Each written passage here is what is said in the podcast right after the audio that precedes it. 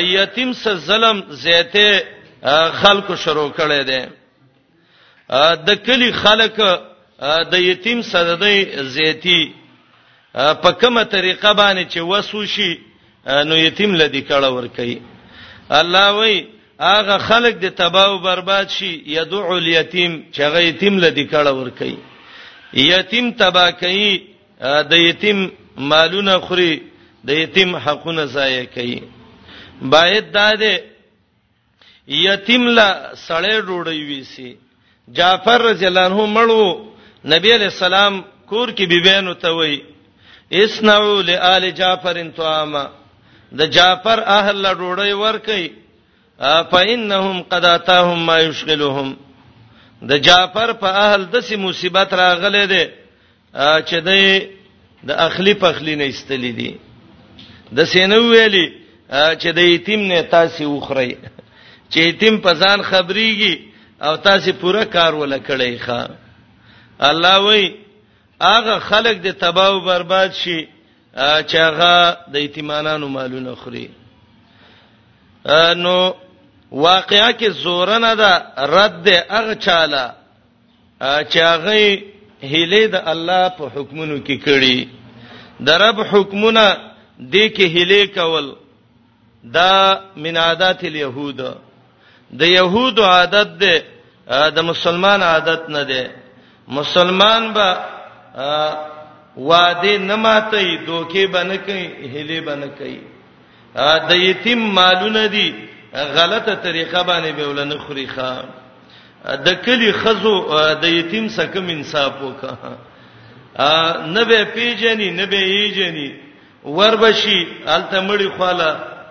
بس وښ کې براتوي کی کجړه نه ورزي نو سره مرچ سترګو پوری وصولای او خلک وی پلانې ډیره خفه ووي بلادم نه ولي خو ماسپخین د ډوړې ټیم دی هغه ته ځان برابرې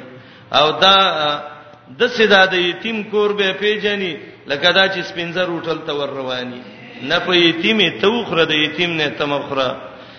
شریعت حکم وک اغه خلق چې د یتیمانو مالونه خوري ګړو کې وره چي الله به تباہ او برباد کی الله به هلاکی واقعا کې د يهودو مرز هغه دا چې د هیله کولې د الله حکمونو کې د الله احکام نه منل الله تبع برباد ک مفسرین وای دا واقعا به يهودو پټوله الله رب العالمین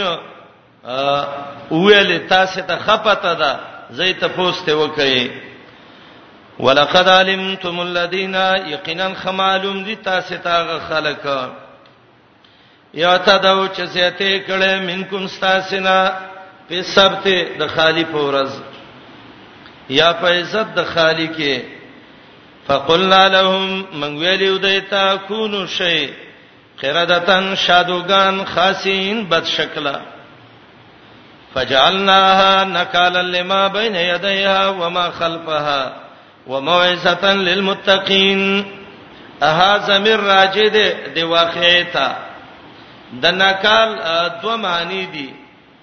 یو معنا نکال عبرت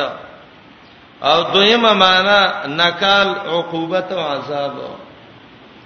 او ما بین یدیها دې جمله کې علما یو څو معنی کوي چې ما بین یدیها حازمر دی واقعي و تراجه ده او ما خلفها د مخ کې او د روس طرفه څنګه عبرت شو نو یو معنی دا ده چې ما بین یدیها هغه خلک چې د وخت کې آبادو هغه تم پته ولګیدا او ما خلفها هغه خلک چې روس ترازی ابن کثیر وای روس تراتلون کې خلک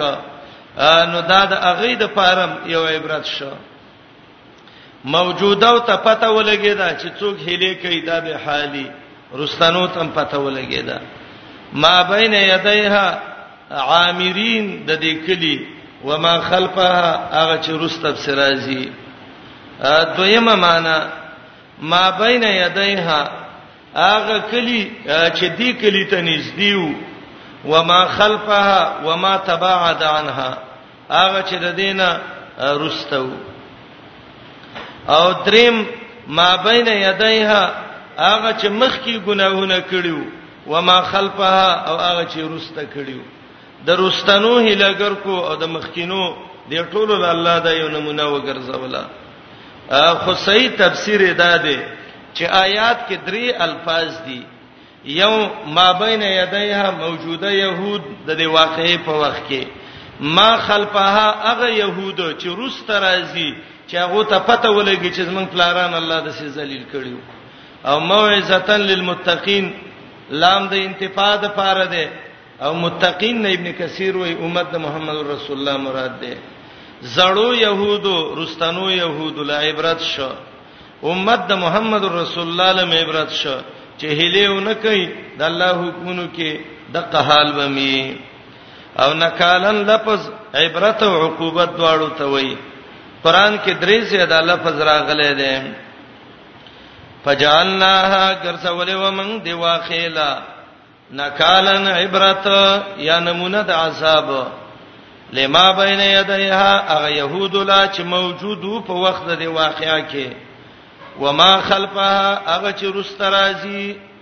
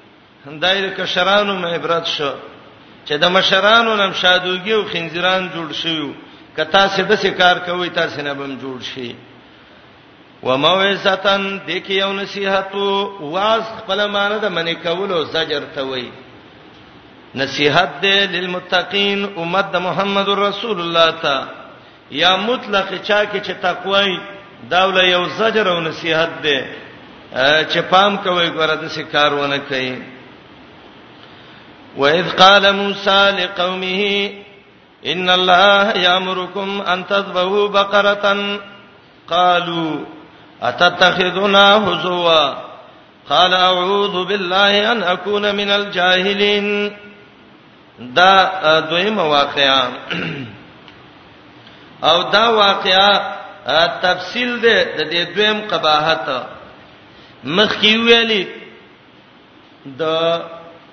خالی ورځ کې هلي وکړي دلته وای د غوا په باره کې هلي کوي دویم مخ کې ویلې زیتیای کوو په بار د خالی کې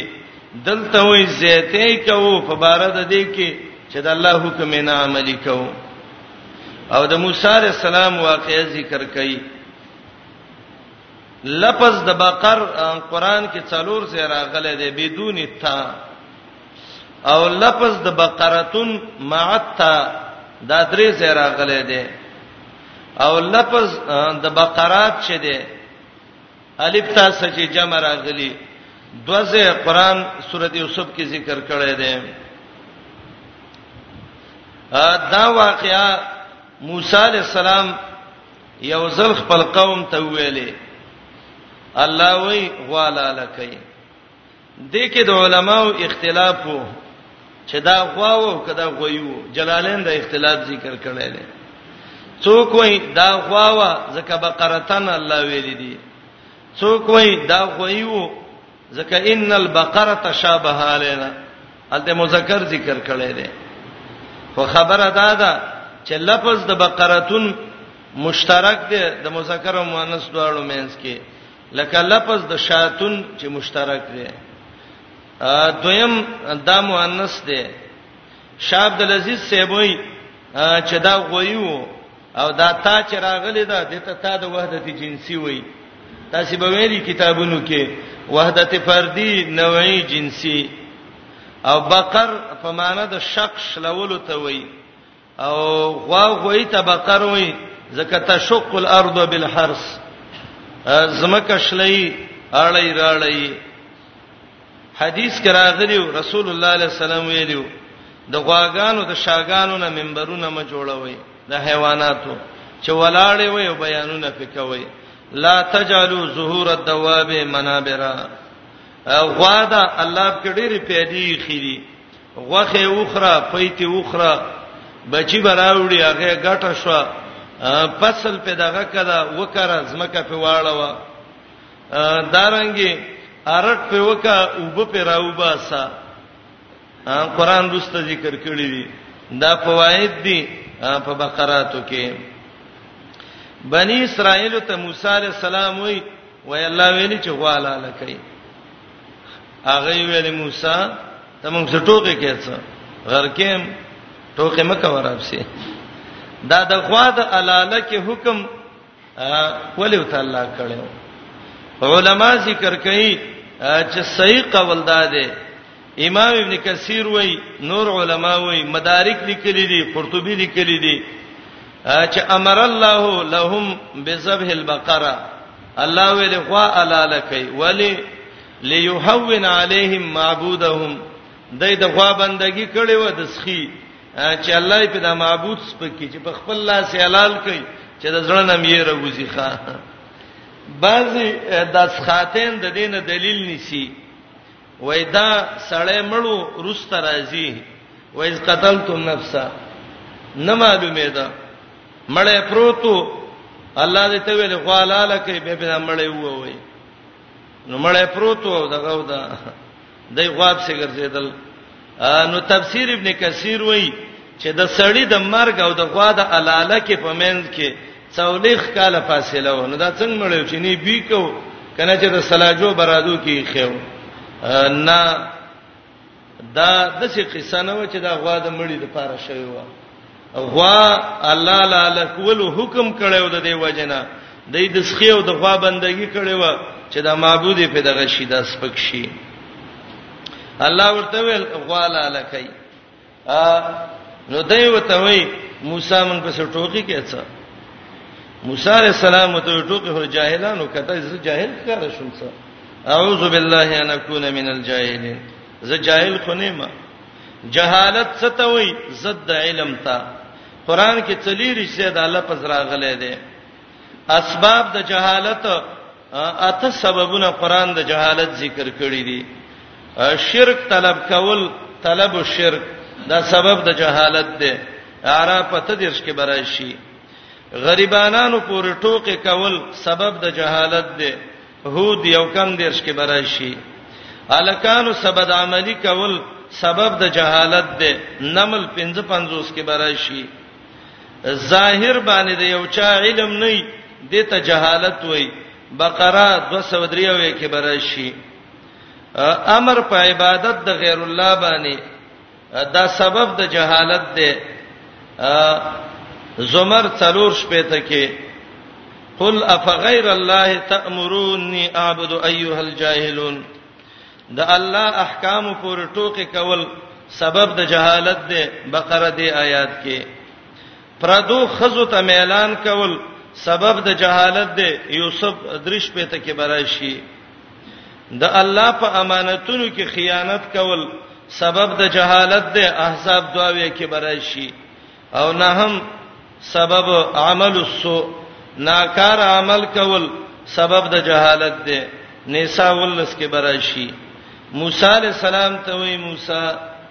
موږ سټوکې کې موسی علی السلام ته وی الله سپنا غواړم چې زه جاهلان نه نشم واقعیا کې دلیل په دې باندې دی ټوکې کول دا کار د جاهلانو دی صح عذاب حدیث کې دی دا هغه چا دی چې لارو باندې ناشتي کوڅو کې ناشتي اجرو کې ناشتي او خلک خندي د بعضی خلکو دا پیشه ګرځیدلې ده یاره د ښکار وکم چې دا خلک وخاندي دا صح عذاب والا خلک دي نو دوی وته وای موسی رښتې غویل او وای الله ته وای وا چې مونږ ته وای غوالالکو د غوال عمر څونه دی خا موسی علی السلام ته وای رب وای د څه غوا ده نه زړه ده نه وړه ده درمیانه غوا ده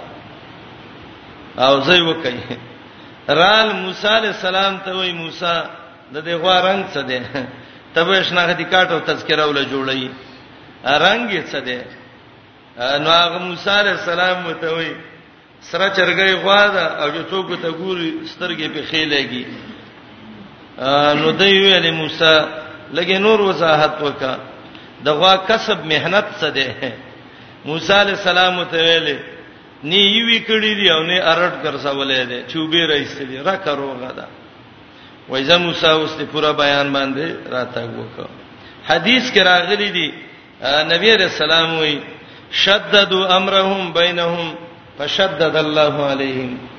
کار په ځان سخت الله په سخواله راوسته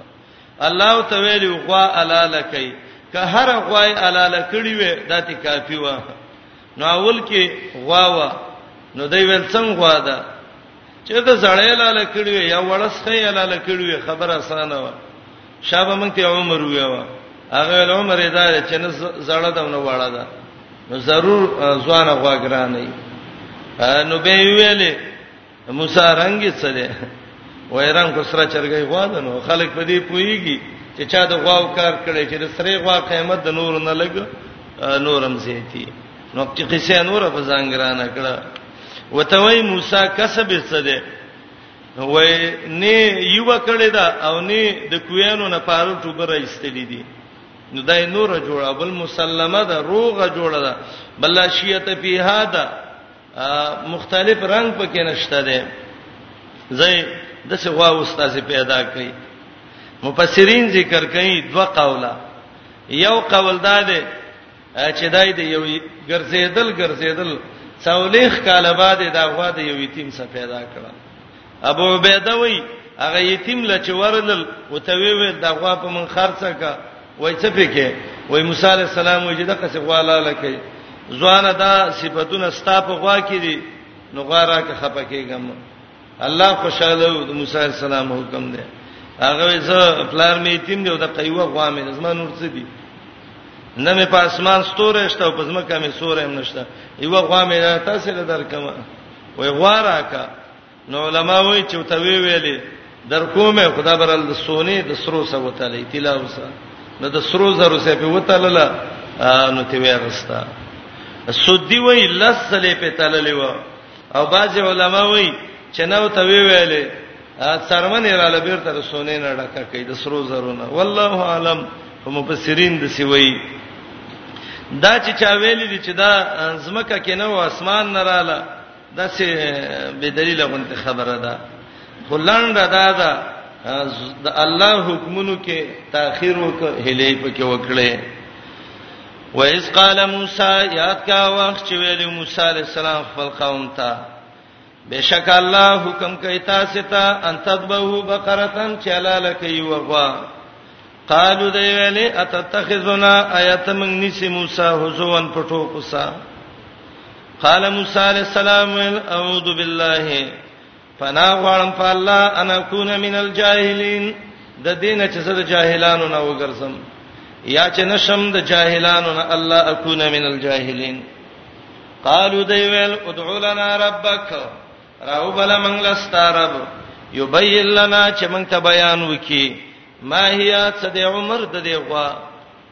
ماهیت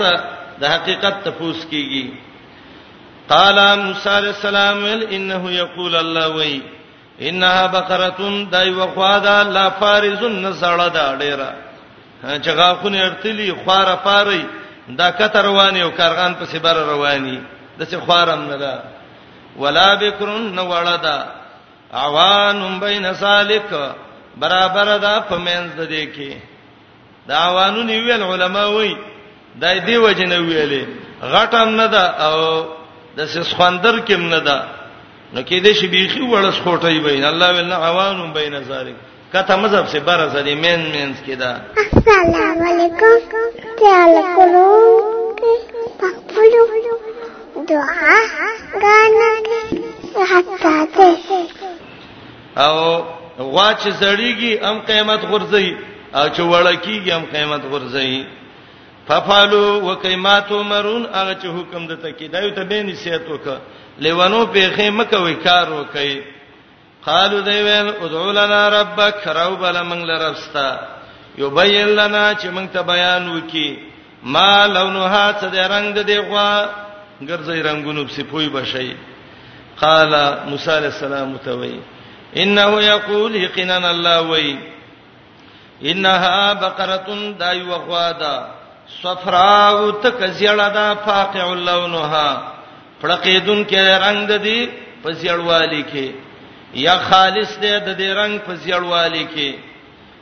تسر الناظرین خوشالۍ کتون کلا سوداګر چې ته ګوري زړه خوشاليږي قالو دی ویل ادعو لنا ربک موسی راو بل من لربستا یبین لنا چې من له بیان وکي ما هيا صدې کسب د غوا منطقین وای ما هو او ما هيا سبب د حقیقت نه د بل شي ته پوس نه کیږي قران کې دا دې شوه دې کنده ما هيا د کسب ته پوس شوه دې د حقیقت نه ده کنه الله به ته ویل وی حیوان باقر الله وی او دای ویلې ان البقره تشابه علينا یقینا غواګړه وړه شو په من فزانم ګړه وړه کړو الله باندې و ګړه وړه کړي و ان من ان شاء الله که خو غشید الله کدا الله خوخوي لمحتدون خامخا من به د هدایت والا وي لار به مندلې وي حدیث کې راځي ک ان شاء الله یې نو ویلي لما بینت لهم الی اخر الابد قیامت پورې به د غواب سي ګرځیدلې او ان شاء الله یې ویل ان شاء الله کې ډیر خیر دی محمد رسول الله تعالی ادب ذکر کوي ولا تقولن لشيء اني فاعل ذلك غدا الا ان شاء الله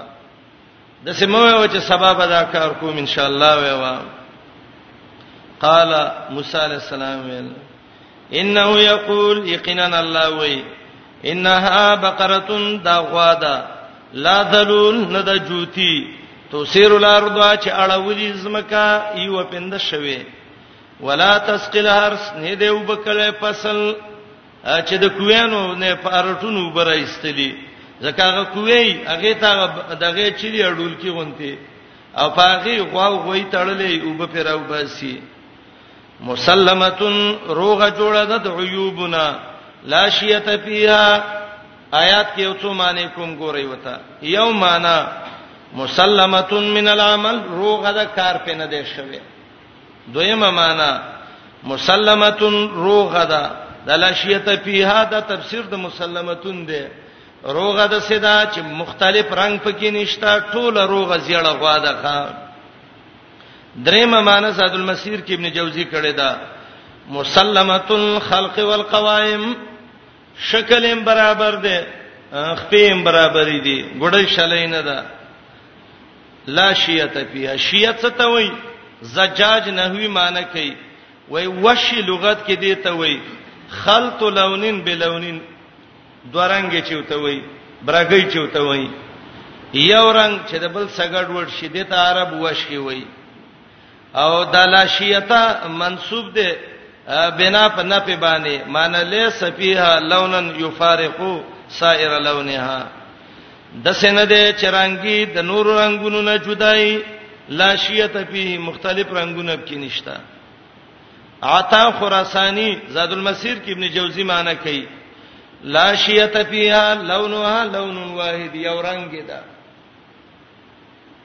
قالوا الان جئت بالحق دی ویل موسی اوس په حق راته ګوک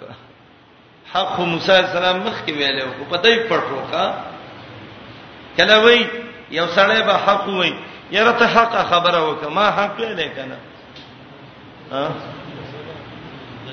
خیر دی لا شیت فیها نشته مختلف رنگ پدې کې قالو دی ویلې الان جئت بالحق واسترات وک په حق باندې پورا بیان دی وک کزما که خوځي منګم د الله یو الله هم خوځي وسا او د دینه به خناسته کوم سره قران ته ناشتي او مرګ را شیدام غټه ده قدر الله ما شاء فعل كل شيء بقدر الله الان جئت بالحق واسترات وک په پورا بیان باندې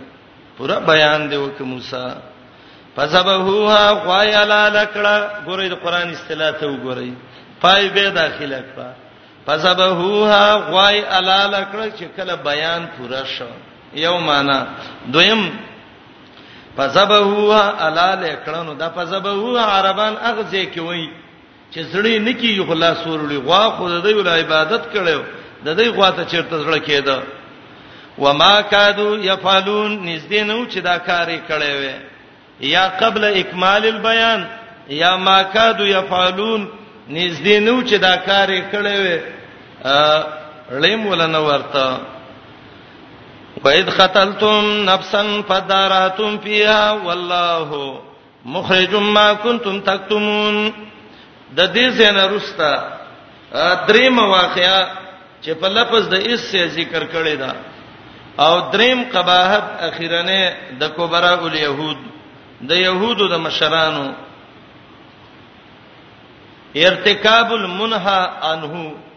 د کوم شي نه چې دای منی شوی دای باغه کوو الله منی کړیو مړی باندې کوي انسان د الله آبادی د حدیث کې دی ملعون من يهدم بنيان ربه چې د الله آبادی څوک نړۍ د الله غضب دی په د الله لعنت دی په سورته نساء کې براشي چې مؤمن وجني پنځه طریقې الله عذاب ذکر کړی دی یو جهنمی دی فجزاؤه جهنم دویم خالدن فیها همیشه به جهنم کې دریم غضب الله علیه د الله غضب دی په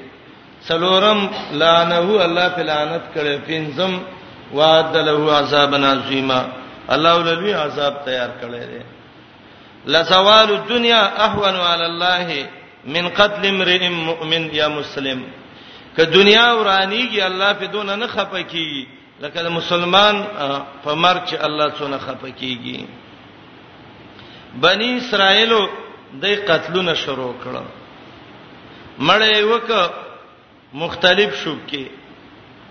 الله ویزا دا د شپې مړی سره وباسم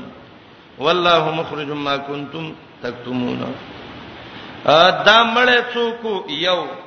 دا مړی چا کړو دوا دا مړی ولې کړو درې او دې مړی کې په څه مختلف شویو څلور او دا مړی الله په څه طریقه ښکارا ک پینځه دا پنځه ضروری خبره دی مقام کې دي بعضو روایتو کې راځي چې دا مړ چې وو دا بنی اسرائیلو کې یو سړیو چې داغه عامل نومو سنومیو عامل نومیو دا عامل چا وجلو دوه روایت دي کې یو روایت دا ده چې خلق وجل او خپلوانو د میراث لپاره دا یو روایت ده د میراث لپاره وجل او زکه د لورګانې وې زامنې نو وای ودرېږي چې مړ لیکو چې دا څه دې مونږ ته پاتې شي دویم روایت او ان شاء الله چې دا قول مونږ ته ډیر خخکار کیږي هغه دا ده چې دا خپل وريرونو وجلې او وجلې د څه د پاره د دې عامل خزوا او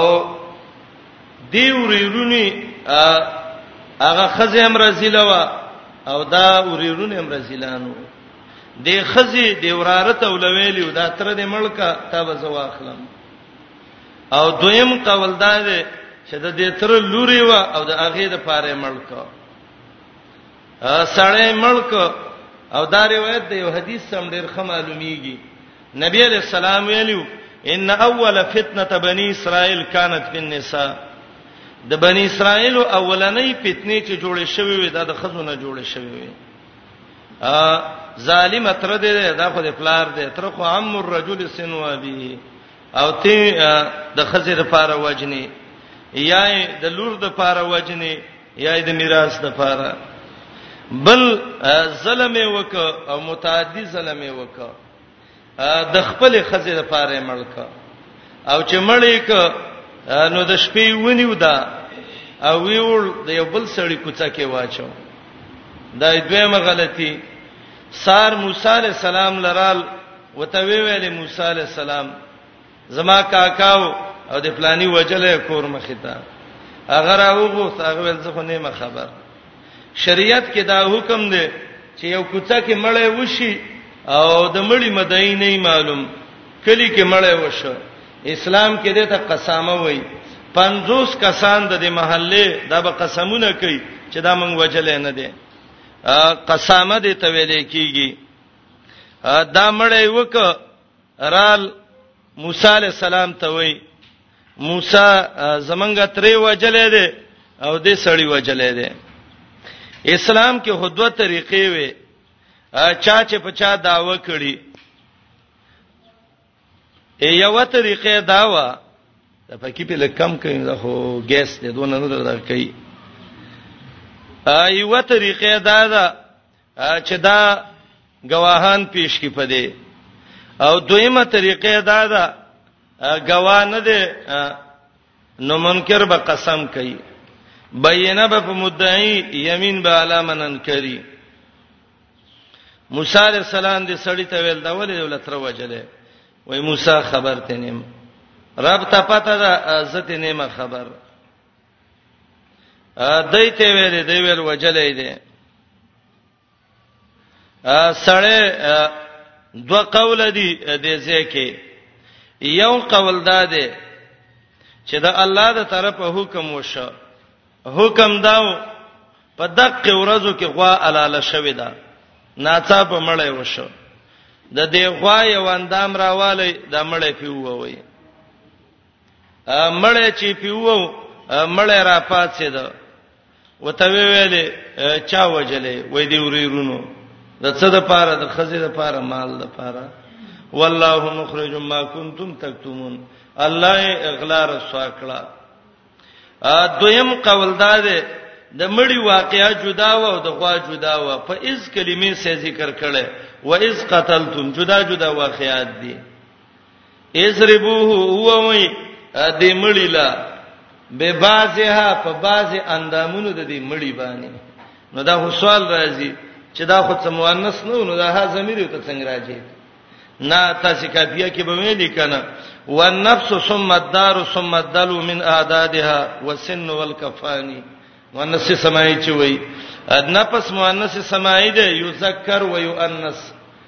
د مذکر او د مؤنث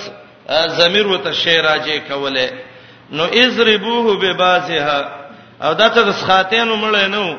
چې مړ وشو څولېخ کاله پروت دی وغه په غواب سي ګرځي یا تصادفي واقعا وا غامل علال شو مړ مو شو یو بل باندې ووي یا د مړی پاندامونو ووي دا واقعا قران ذکر کوي الله وې زړونم بالکل به مضبوط شو داسې شو لکه غټه قاتل معلوم شو مقتول معلوم شو وجه د قتل معلومه شو لفظ د نفس قران کې مفردن جمعن 214 لزه راغلي دي انسان ته الله نفس ویل دي بقره ته څولېخ کې اغه نفس چې اماره به سود انسان ته د ګناه حکم کوي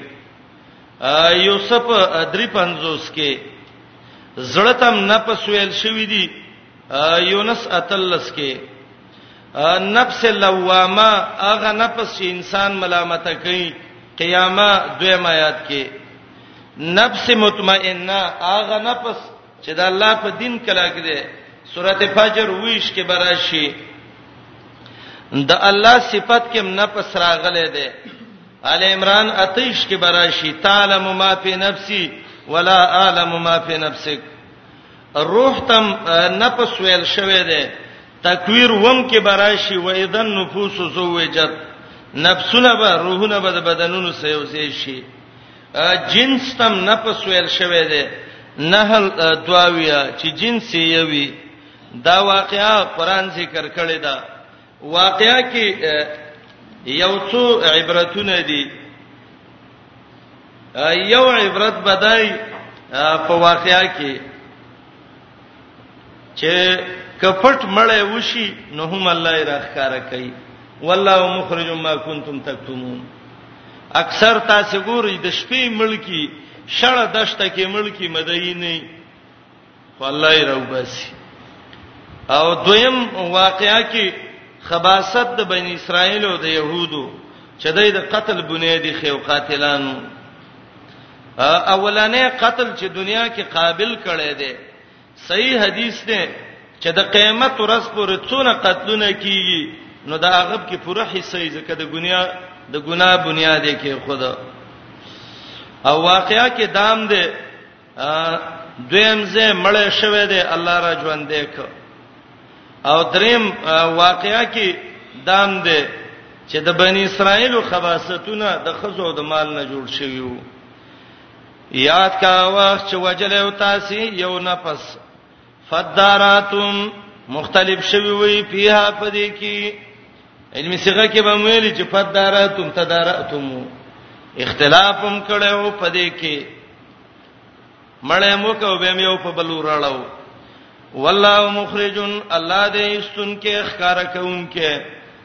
ما کنتم تکتمون هغه څه چې تاسو پټوي څوک مؤمن ملکی قاتل به همیشه جهنم کې او واپس به تراوځي ورور لک صبر به وکي ان شاء الله سوره النساء ته به الله ورور سیده غیات تا د معتزله او د سنت والجماعت یو لوی اختلاف دی دی کې سکدل ته وی وسی وخت په وړي فقلنا من ویلو اضربوه او وې دې مړیلا به بازها په بازي اندامونو د دې خوا باندې دویمه معنا هو وی د مړی لا به بازها په بازي اندامونو د دې نفس باندې دای وخت په ول د بل سو وی مړی را پاتې ده کذالک یحیی الله الموتى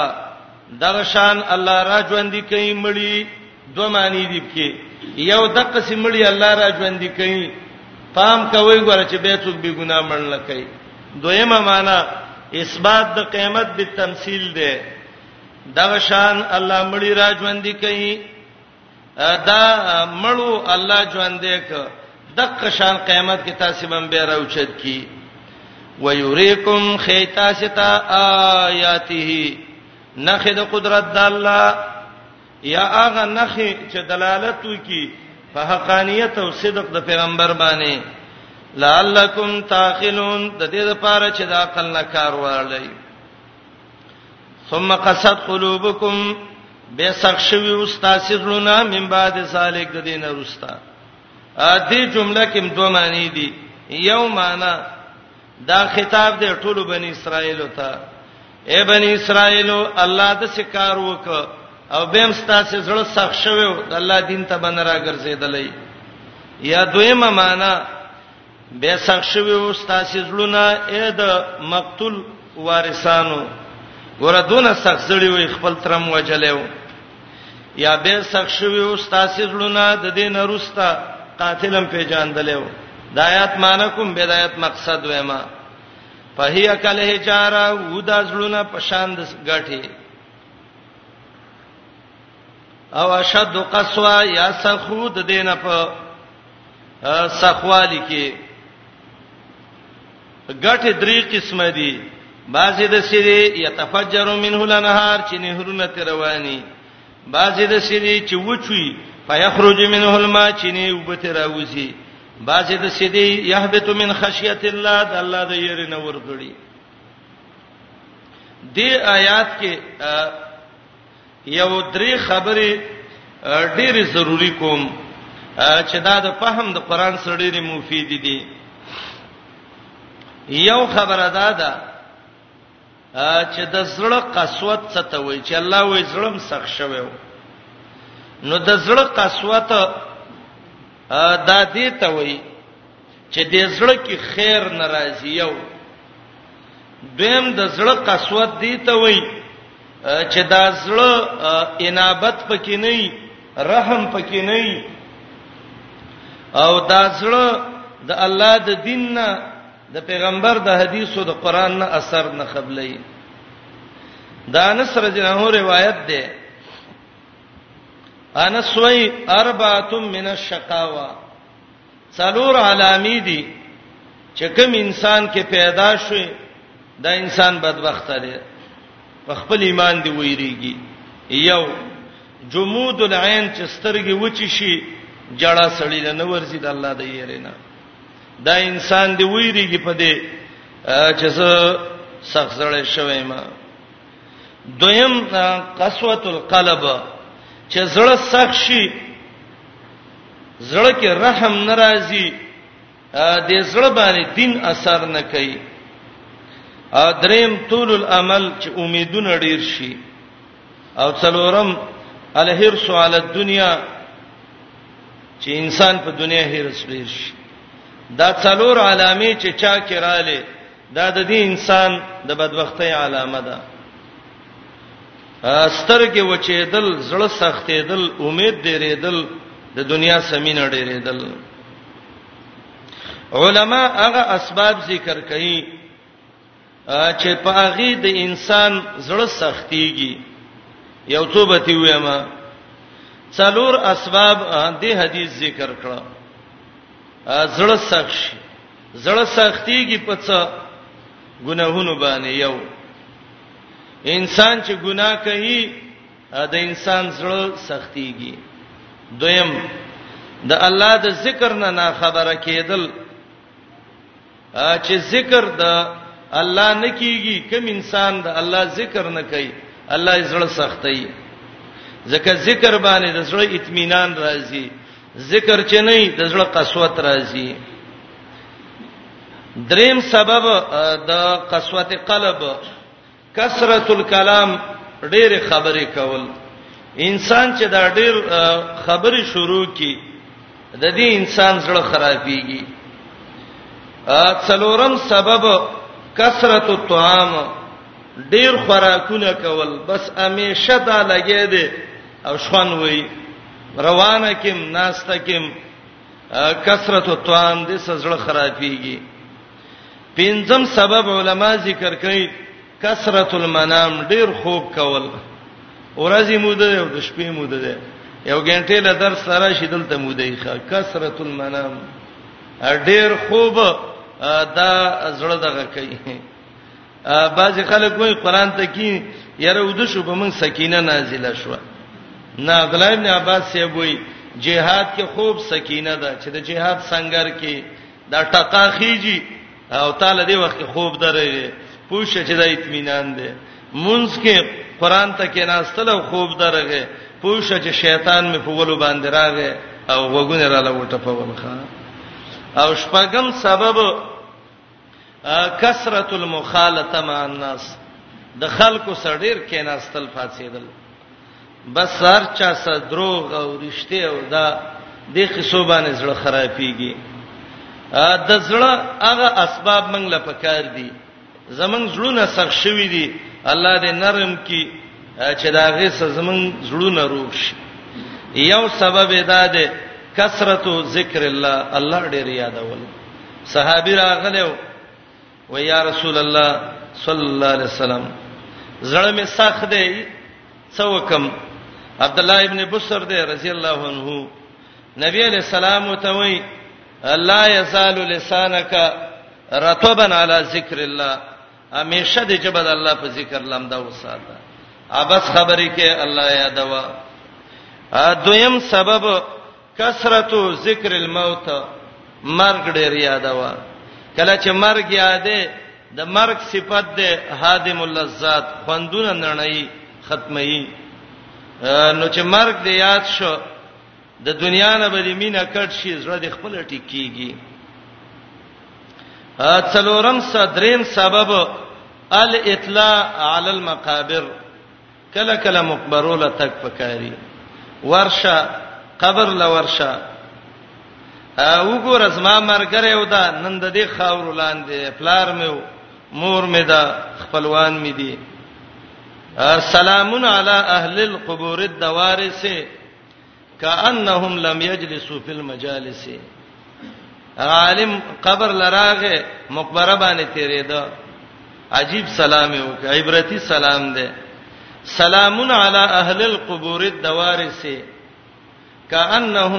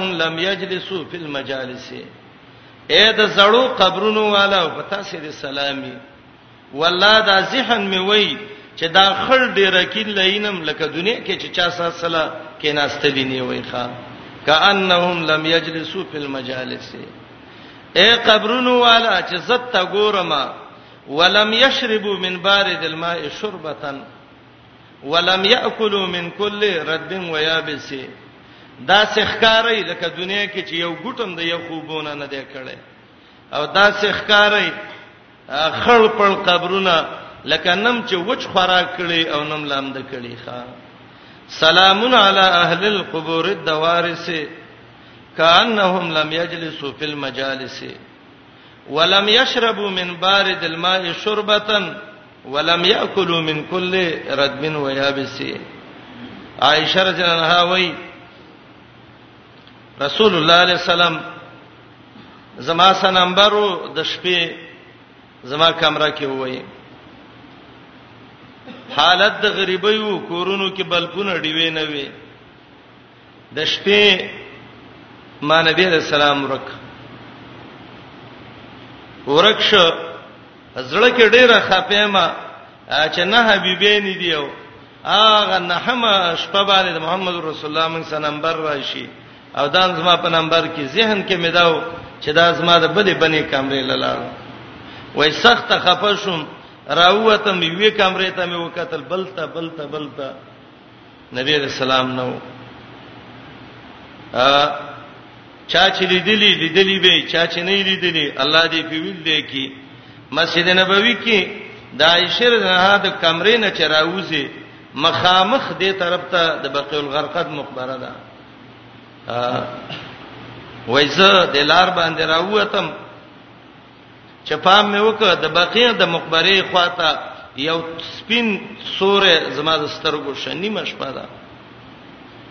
را روانه شوم رامنډې رامنډې چې ما وکتل محمد رسول الله دې صلی الله علیه وسلم د بقیع مقبره کې ګرځي لاس یې اوچت کړی دی دعا کوي اللهم اغفر لاهل بقیع الغرقد الله د بقیع مقبره اهل ته بخنه وکي رب العالمین عائشہ رضی الله عنها وای وای ما د زړه کې ویلې چې د ابوبکر لوري هو په وادن و انت په واده ته په کوم سوچ کې ته د بنو سوچ راغسته او هغه سره اخرت سوچ دی وای زه د سغلې غلې بیرته را روان شوم چې نبی اسلام را روان شو او دې کې دې ته اشاره ده خزه دا خاوند د شپې وزي د کور نه وای چې معلومات یو کې څه شو څوک را لمړ نه کی او دا چې ساره خاون چا وجلې نه او دا ویره زه خو نیم خبر بیګا خدلته وو دا بیړې خزه نه نو عائشه رضی الله عنها وای زوت ولاړه ما خود نبی اسلام نه پټه چې ما ویني نه دعای وکړه او په دې مخه وخ کې را روانې وي محمد رسول الله جړل والله ما دې جړا आवाज وای واورید زرا مخ کې ومه د سغل را روانه ومه چې رسول الله سلام را ورسېد کیناس وای ما ته ته ویل یا رسول الله چیرته تللی ځان مې نه خبره کړ وای ما ته ویل عائشه زه بقیه کې ومه خو ما د څه سوري نورم لیدلې دي معنی دا چې تر هغه دی وې تمیم لیدلې ښا او خیر سره او زکی سره محمد رسول الله صلی الله علیه وسلم ال اطلاع علی القبور قبرونو ته ورته کله کله د انسان زړه د دې صبره بریږي تجربه وکړئ ان شاء الله څلورم سبب تلاوت القرآن بتدبر د قران تلاوت په سوچ سره کول د سزړه برابرېږي د الله په فضل باندې پنځم سبب چې زړه په سړی برابرې اطعام المساکین غریبانان له ډوډۍ ورکول غریب له ډوډۍ ورکا پیسې ورکا د سزړه سازيږي شپږم سبب یو حدیث ته چې امام احمد ذکر کړی دی امام ابن حجر فتح الباری کې یولسم جز کې یو سلیو 50 کې دا روایت راوړی دی صحابي راغه نبی علیه السلام ته وای یا رسول الله زړه می سخت شوه د څو کما محمد رسول الله سلام وتوي امسح راس اليتيم واطعم المسكين غریب لا ډوډۍ ورکا یتیم راونی سپ سر ول الله سراخ کا الله به دې زړه نرم کی ښا یتیم ځان سره نیول په سر ول الله سراخ کل څ خوراک ول ور کول دې باندې الله دې انسان زړه ټیک کړي حدیث ته مداردار رضی الله عنها کې راغلیو جنازو لتل دې باندې د انسان زړه سميږي عیادت المریض بیمار کرسی کول یو مریض لورشه بیمار دی خاص کرونو د هسپتالونو لم کله تک خي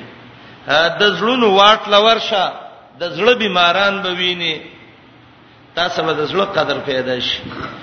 د شالینو ګډینو واټ لورشه د اندامونو قدر به پیدا شي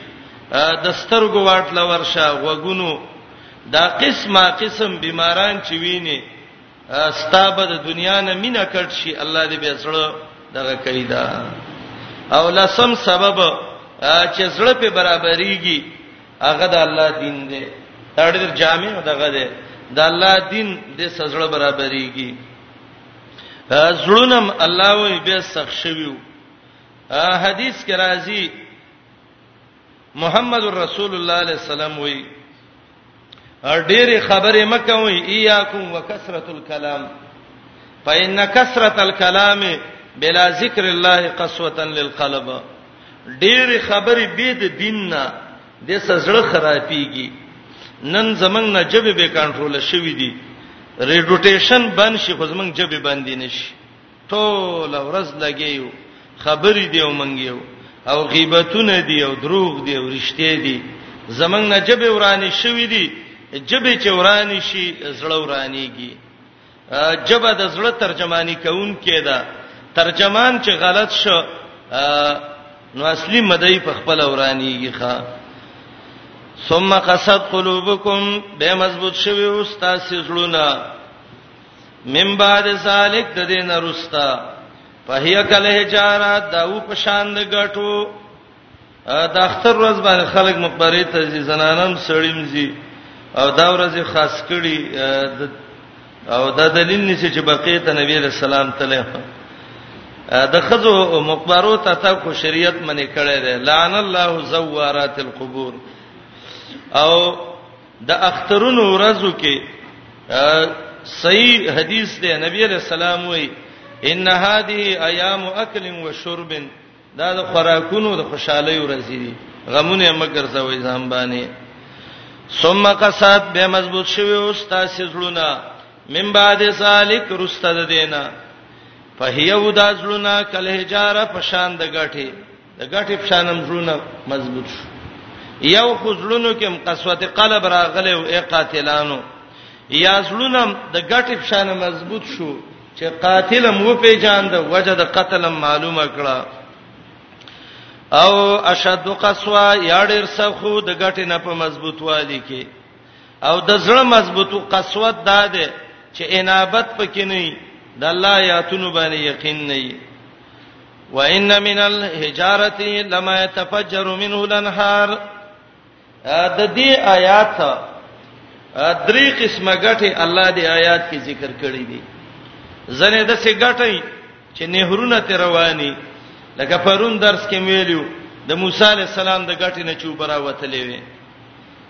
دولس شینې ته وتی وي او زنه د څه غټي چې هغه وشلېږي اوبه ترې راوځي لګې لګې اوبه ترې را رواني او ځنې داسې ګټي چې د غرونو کې یي او د الله د یېرې نه راور کړي څوک چې غرونو کې پاتې شوي ګړي بيزي ساتلي هغه ته د پته غر کې ګټه ورګړي سادهګان خلک وي پیرانو لته ورکړه پیرانو چې لته شوي ورکولې تی په وجلې دا ګټه ده د الله د یری نه ورغښتا یحبط من خشیت الله درې قسمه ګټه نهرونه ته روان لګي لګي وبته روانه د الله د یری را ورغړي د آیات مقصد فهم الآیات د قران مقصد باندې ځان پوي کوي شپه ورځ به دا زوتوي غټې دسی وبتی زی او پلانې تیزی د دې څه مقصد دی چې الله دې ځکه مونږ ته دا ذکر کوي چې ځنې غټو نه نیرونه رواني ځنونه وړي چینی او ځنې د الله دې یې رخړي مشهور مفسر دی ابو حفص امام ابن عادل الدمشقي داغه تفسیر دی اللباب فی علوم القرآن د دمشقي هغه د دې آیات لاندې وای وای د دې میسا مقصد دا دی کپه دې ګټه کې عقل وې او دا آیاتونه لیدلی وې نو خامخا به دې ګټه حق قبول کړي وي خو اے انسان تا کې عقل هم شتا او د الله د سي قدرتونه دی ویلدل لیکن تا به هم حق قبول نک د سورته حشر یو وشتم آیات کې براشي لو انزلنا هذا القران على جبل لرأیته خاشعا متصدعا من خشیت الله یوم ردا د انسان تا کې چې څونه عقل دی کپه ګټه کې دا عقل وې او دا یاتونه لیدلې وې نو ګټه به حق قبول کړي وې ورته د ګټه نم خوشي حق دی قبول نکړه دویمه معنا دام ابن عادل دمشقي کړي دا هغه دا ده چې رب العالمین په ګټه کې د څه د څه کارونه پیدا کړي بعضې ګټه وشلې وبتی وباسي د بعضو نه نهرونه روان کی بعضې د الله د یری نه راور غړي اے انسانا ګټه ستانه ډیره مضبوطه ده ګټه د الله د حکم تابع شو او ته پوس د غوخو یو پټې ته د الله تابع نشوي د الله حکم دیونه منه هغه کله کا ګټه چې په پلکونی ووا نه ماتيږي وشلې دا خدای الله د یری وبته راوته وشلې دا نهرونه تلل د الله د یری ورغخته انسان استاخو غوخي دی پلی دی اډو کې دی د ګټه لسمی سیتم کلکوالی کې نشه رسیدلې نو ګټه د الله د طرف نه اثر قبول ک او انسان ته د الله د طرف نه اثر قبول نه ک دریمه معنا هغه دا ده اے انسان ګټه ده غیر زوی روح ده خدا په دې کې شته ده انسان ته دونه به پیدا شي چې تا د الله د دین نه فائدہ وانه غستله دا درې معنی اللوباب کې امام ابو حفص ابن عادل دمشقي د دې آیات لاندې لیکلي دي او په دې آیات کې علما وایي درې احوال د ګټې ذکر کړه اشاره ده درې قسمه زړونو د خلکو ته ایو ګټه د سیدا چې اغا وبته نهرونه وبېږي دویمه دا ده چې وشلېږي دریمه دا چې ورغړي هغه زړه چې هغه قسوت پکې او د یو کله کې ګټې پښانې کله چې قران او حدیث واوري په تدبر سره نو دې زړه کې الله درې حالات پیدا کی یا دا زړه په چغو چغو وجاړي الله تا دا یو یا دا زړه وجاړي لکه ګټې نه چوبوته نهرونه وتل د دې زړه نه وښ کې راوځي وجاړي او یا دا زړه د سې شي چې د سترګو نه وښ کې راوځي وسه او یا دا زړه د سې وکی چې ست به هوش شي د الله د یې راو ورځيږي انسان ګټه ده او بتی وتلې انسان تا چرته د سترګې او د زړه نه وښکه تو نه کړه انسان ګټه د چینته راوته ستا په مخ چرته د وښ کو باران ونشو انسان ګټه د الله د یری ورغخته ته د الله د یری چرته به تبیته نشوي انسان الله به پروا نه ده ستا سید عملنا الله به حساب د سوکی وان من الحجارتی قنن باز د غټونه لما خامخا غدی يتفجر منه الانهار چروانی داغه نه نهرونه ولی تروانی وان منها بشک باز ردی کی لما خامخا غدی یشققو چې وشلیږي فیخرج منه الماء راوزی داغه نه وب وان منها یقینا باز پدې کې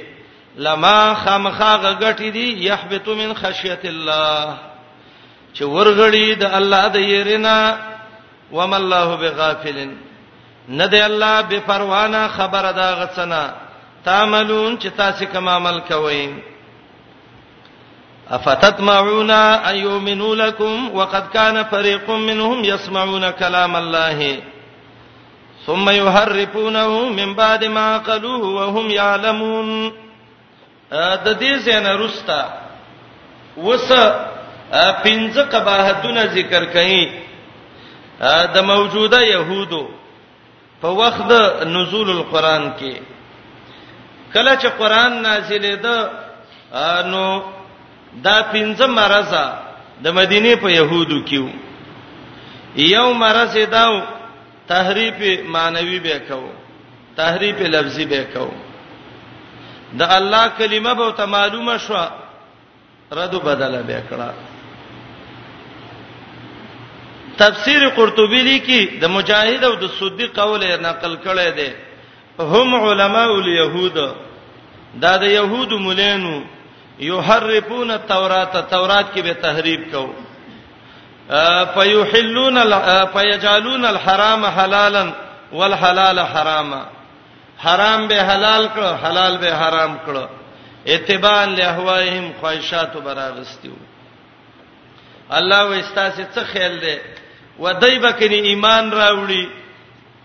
تصدیق به وکي ستاسو د خبره چره نه کوي دا محرفین دي تحریف بدلون کی کله به لفظ بدل ک کله به معنی بدل کړه کله به حکم بدل ک دا د دې مرزونه وو اپتت معونا آیا تم کوي تاسو یومنو لکم چې دای به ایمان راوړي لکم یومانه د ماکم تاسو سره